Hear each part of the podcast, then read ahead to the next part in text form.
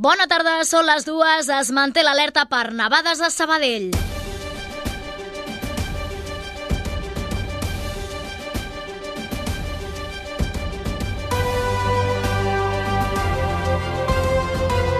Notícies migdia. Núria Garcia.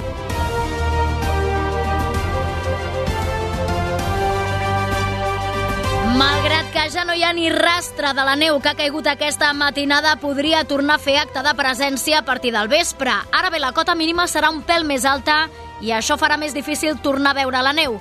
El meteoròleg ballesà Xavi Segura ho ha dit aquest matí en una entrevista al Cafè de la Ràdio. A partir de la tarda i vespre, els mapes indiquen que arribaria una nova tongada de, de ruixats que afectaria sobretot el litoral prelitoral de Barcelona. Per tant, també el Vallès, Sabadell, i aquí sí que la cota sembla que quedaria entre els 200-300 metres, per tant una mica justeta, però vaja, no podem descartar encara, no podem descartar que es pugui veure nevar a Sabadell a partir d'aquest vespre, sobretot. Sigui com sigui, avui Sabadell s'ha llevat amb un aire ben diferent, amb taulades, cotxes i parcs tenyits de blanc per la feble nevada durant la matinada. Els gruixos han estat poc importants i no s'han registrat incidències. A l'espera de si torna a caure o no la neu, el que està clar és que els termòmetres es mantindran baixos fins dimecres, quan les temperatures començaran a remuntar. A banda de la situació meteorològica, durant el Notícies Migdia us parlarem també de l'impacte del Mobile World Congress a la ciutat, de la inauguració del nou local d'Andy Down a la ciutat i de la faldilla que ha dissenyat l'alumne de l'ESDI, Javier Guijarro, per al videoclip de la cançó TQG de Karol G amb Shakira. Notícies migdia. La informació en 15 minuts. Els serveis. I atenció a aquesta hora perquè un accident a la C58 a l'altura de Brera amb un camió, un autobús i un turisme implicats ha provocat 16 ferits, 15 lleus i un menys greu. Aquest accident ha obligat a activar 15 unitats del SEM, un helicòpter medicalitzat i també un equip conjunt dels bombers. Per tant, complicació a aquesta hora, on també hi ha aturades és a la C1414 entre Esparreguera i Olesa de Montserrat, també a conseqüència d'aquest accident a la C55 a Abrera. I ja s'ha reobert, en canvi, la circulació a la C17 a Montcada Reixac estava tallada en els dos sentits de la marxa, en aquest cas per un vehicle avariat. La notícia del dia. La neu podria tornar a caure aquest vespre a Sabadell, tot plegat després que aquest matí la ciutat s'hagi llevat enfarinada, tot i que a aquesta hora ja no queda ni rastre de la neu, el fred de ple hivern es manté. I això farà que el risc de nevada reactivi a partir del vespre, malgrat que la cota mínima serà una mica més alta. Pau Duran, bona tarda. Bona tarda, Núria. Quedarà situada entre els 200 i els 300 metres, de manera que és menys probable respecte d'aquesta matinada que la neu torni a fer acte de presència. Així ho ha indicat en una entrevista al Cafè de la Ràdio el meteoròleg ballesà Xavi Segura. Insistim, és una possibilitat, no és tan clara ni així com aquesta matinada teníem clar que si seguia precipitant acabaríem veient nevar, com, com ha estat finalment, Uh, de cara a aquesta tarda, ja diem, la quota queda molt justeta i bueno, creuem els dits per a veure si tenim una, una fuetada final no, d'aquesta situació. La nevada d'aquesta matinada no ha deixat grans acumulacions de neu a Sabadell i no hi ha hagut incidències. Ara bé, la imatge de la ciutat ha canviat lleugerament, amb taulades, cotxes i parcs de la ciutat ben enfarinats. Amb tot, no ha estat necessari activar els vehicles adaptats d'esmatxa per retirar neu de la via pública, ni tirar sal per evitar glaçades.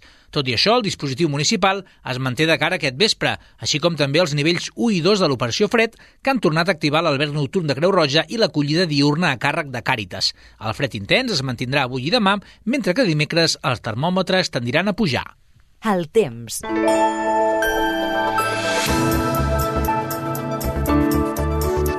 Doncs ampliem aquesta previsió de la mà de la Carme Farnell des del Servei Meteorològic de Catalunya. Molt bona tarda, Carme. Bona tarda. Durant les properes hores s'espera que continuem parlant d'aquest temps inestable. S'espera que arribi precipitació, més precipitació pel sector del quadrant nord-est i aquesta precipitació de cara a aquesta propera nit i matinada anirà escombrant i afectant a diversos municipis de les comarques de Barcelona i també cap al Camp de Tarragona. I des de que el Servei Meteorològic de Catalunya s'ha activat de nou aquest avís que es puguin acumular més de 2 centímetres de neu per sobre dels 400 metres. Cap a l'interior del territori no s'espera precipitació, sí que hi farà molt fred i també tindrem el cel variable amb estones de sol però també amb el cel força serenat. Cal dir que de cara a demà continuarem parlant d'aquestes temperatures tan baixes, tot i que de cara al migdia quedaran una miqueta més altes que les que hem tingut avui. Això és tot des del Servei Meteorològic de Catalunya. Notícies migdia. 15 minuts d'informació. Canviem de tema. El Mobile World Congress, que ha arrencat avui a Barcelona amb més de 2.000 expositors, torna a tenir impacte a Sabadell.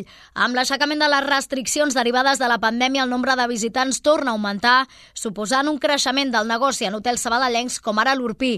De fet, ha arribat a omplir el 90% de les habitacions per aquestes dates. Karen Madrid, bona tarda. Bona tarda. El propietari de l'hotel del carrer Sant Maties, Josep Urpí, admet que s'estan repetint les tendències d'anys anteriors entre els visitants. Sovint, molta gent durant els anys han anat evitant poder viatjar a Barcelona per les mateixes dates de congrés, perquè els preus són diferents i perquè ja l'ocupació és més alta, llavors la gent intenta evitar aquests, aquests, aquests, aquesta setmana per no trobar-se sense habitació i això. Les startups sabadellenques també estan aprofitant la cita internacional. Un exemple és la companyia Colomat, que té presència al mobile. La seva project manager, Georgina Coll, ha apuntat al Cafè de la Ràdio quin és el principal benefici d'assistir a la fira. El poder estar presents i formar part d'aquest ecosistema de startups Llavors és un tema de, de presència, d'estar al capdavant d'aquest futur d'empreses de, tecnològiques Llavors això ens, ens dona molta repercussió a nivell de, de creixement d'empresa, no? De, al final ser, formar part d'un ecosistema tant de startups com de noves tecnologies que al final el que, el que t'aporta és, és visió i visió de futur, poder parlar amb altres empreses, àmbits de col·laboració, amb temes de, de networkings. El Mobile World Congress s'allargarà fins al dijous, dia 2 de març. I parlem d'empreses, en aquest cas de la multinacional sabadellenca Fluidra, que tanca el 2022 amb uns guanys de 160 milions d'euros. Es tracta d'un 36,5% menys respecte de l'exercici anterior. El grup ha explicat que el seu benefici s'ha vist afectat per l'augment dels costos dels interessos davant del major deute mitjà, així com pels costos associats al procés de refinançament del gener. Amb tot, la companyia ha incrementat les vendes un 9% en el darrer any, tot situant-les en els 2.389 milions d'euros euros. Tota la informació a Ràdio Sabadell. La crida per Sabadell és imprescindible per materialitzar noves accions a la ciutat, així ho considera la regidora anticapitalista Anna Lara, que assegura que es presenten a les eleccions del 28 de maig amb la voluntat de guanyar. Lara ha assegurat que les línies vermelles a l'hora d'arribar a pactes per governar seran programàtiques. De moment hi ha dos partits amb qui no s'asseuran a parlar. Són declaracions al cafè. Vox no tindrem cap mena d'acord programàtic perquè és evident. Um, amb el PSC um, han passat quatre anys en què no s'ha reconegut uh, les ombres dels mandats anteriors. De fet, el contracte d'esmatza és una patata calenta que no han arribat a assumir, a treballar amb la contundència que haurien d'haver fet. És a dir, jo el que m'esperava és un PSC que fingia haver-se, mm, no sabria com dir-ho, sanejat, el primer que haurien d'haver fet és agafar el tema de, d'esmats amb, amb contundència, amb claretat. Lara també insisteix que la seva formació mantindrà el no al quart cinturó porti el nom que porti i només acceptaria una connexió amb castellà de baixa capacitat. D'altra banda, la crida també lluitarà contra la llei dels desnonaments conflictius, entenent que perjudica totes les famílies que es veuen obligades a ocupar. I precisament parlem d'aquesta manifestació multitudinària a Sabadell contra el quart cinturó. 4.000 persones, segons els organitzadors de la protesta, i 3.000 segons la policia municipal, han sortit al carrer aquest diumenge per dir no a la construcció de la infraestructura. Helena Molist, molt bona tarda. Bona tarda. Un rebuig que s'ha sanificat després de l'acord de pressupostos entre Esquerra i el PSC i que ha estat possible perquè els republicans han acceptat tirar endavant la Ronda Nord a canvi que els socialistes donessin suport als números. El portaveu de la campanya contra el quart cinturó, Toni el Talló ha retret als alcaldes de Sabadell i Terrassa que no estiguin actuant de forma coherent amb el context climàtic actual. Estem en emergència climàtica, si més no, totes les administracions a tots els nivells de les Nacions Unides, de la Unió Europea, el Govern de l'Estat, la mateixa Generalitat de Catalunya, la major part d'ajuntaments, per exemple el de Sabadell i de Terrassa, ens han declarat en emergència climàtica i sembla que eh, no entenguin què és el que vol dir això. El Talló ha refermat el compromís de la plataforma amb la defensa del territori i per això aposta per vertebrar una xarxa de transport col·lectiu que permeti millorar la mobilitat del Vallès. Tota l'actualitat de la ciutat i comarca també a les xarxes socials. Les dues i deu minuts, l'entitat Andy Down Sabadell ha inaugurat un nou local al carrer Sant Cugat. Al centre, en aquest nou espai, s'hi instal·larà el projecte Xic per Xics, una iniciativa on els usuaris de l'associació reciclen i venen roba de segona mà. El local compta amb més de 200 metres quadrats distribuïts en una gran sala principal que dona al carrer Sant Cugat i també un gran magatzem al darrere. En aquest espai treballaran els 14 usuaris d'Andy que es dediquen a aquest projecte, unificant finalment el taller i la botiga. Ho explica Dolors Pallàs, presidenta d'Andy és un pas endavant. A més, hi ha, hi ha dues educadores que et, per, et dona més mobilitat que no pas si hi ha una persona per sis i una altra per dos, però no, hi, hi, hi ha més. Si un dia un no està malalt, doncs, eh, bueno, eh, hi ha més, dona més joc. A la inauguració d'avui també hi han participat l'alcaldessa de Sabadell, Marta Ferrés, i el regidor d'Acció Social, Eloi Cortés, que han posat en relleu la gran compenetració entre el consistori i l'entitat. I d'altra banda, l'Ajuntament de Sabadell ha demanat un referèndum pel Sahara Occidental i que s'acabi l'espoli dels seus recursos naturals per part del Marroc. Es desmarca així de la postura del govern espanyol que va acceptar la proposta d'autonomia del país alauita per la regió.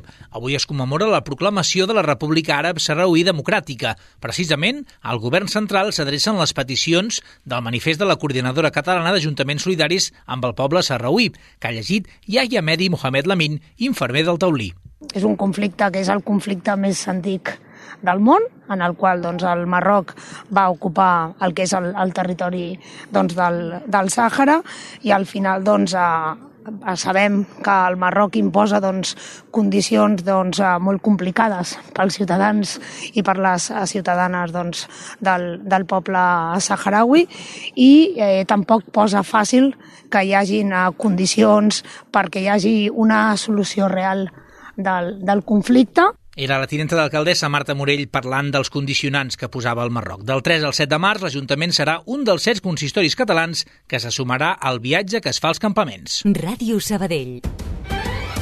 L'actualitat en 15 minuts. Els 30 milions de persones que han visionat el videoclip de Carol G acompanyada de Shakira, TQG, hauran vist un producte sabadellenc. Bebe, que fue? No,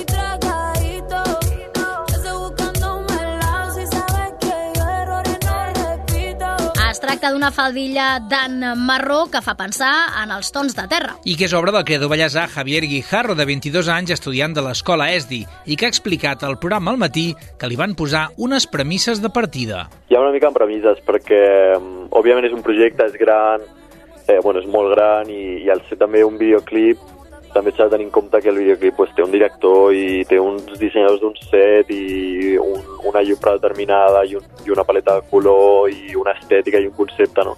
I doncs la roba que es fa per al videoclip també ha d'anar una mica eh, en conjunt i, i que funcioni tot junt.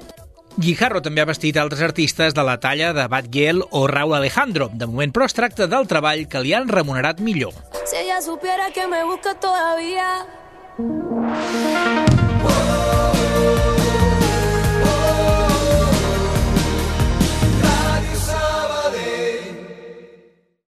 Busquem el sabadellenc de l'any. Ens ajudes a trobar-lo?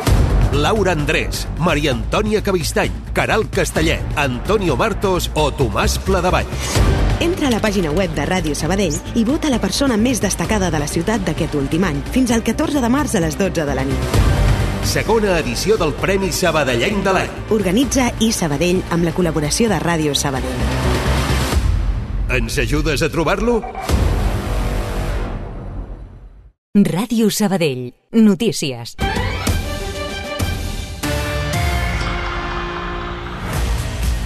Afegim un parell de punts més eh, fora de la ciutat. Nou presumpte cas de violència de gènere. Un home ha apunyalat la seva parella a Tenerife i després s'ha suïcidat. La dona està hospitalitzada en estat molt greu després d'haver perdut molta sang. Els fets haurien tingut lloc diumenge al matí després d'una forta discussió al domicili que tots dos compartien. Vox registra la moció de censura de Tamames. El líder de Vox, Santiago Abascal, ha registrat aquest dilluns al Congrés la moció de censura de la seva formació contra el president del govern espanyol amb l'economista Ramon Tamames com a candidat. Una moció moció que ja ha rebut crítiques de tots els partits. Des del PP defineixen aquesta acció com un show, mentre que des d'Esquerra han afirmat que estan estudiant amb la resta de forces sobre com fer un boicot efectiu a aquesta moció.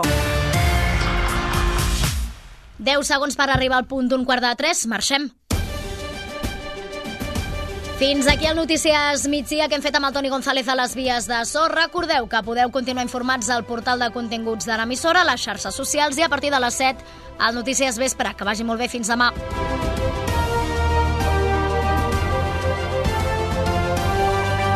Allà on siguis, escolta'ns online. En directe.radiosabadell.fm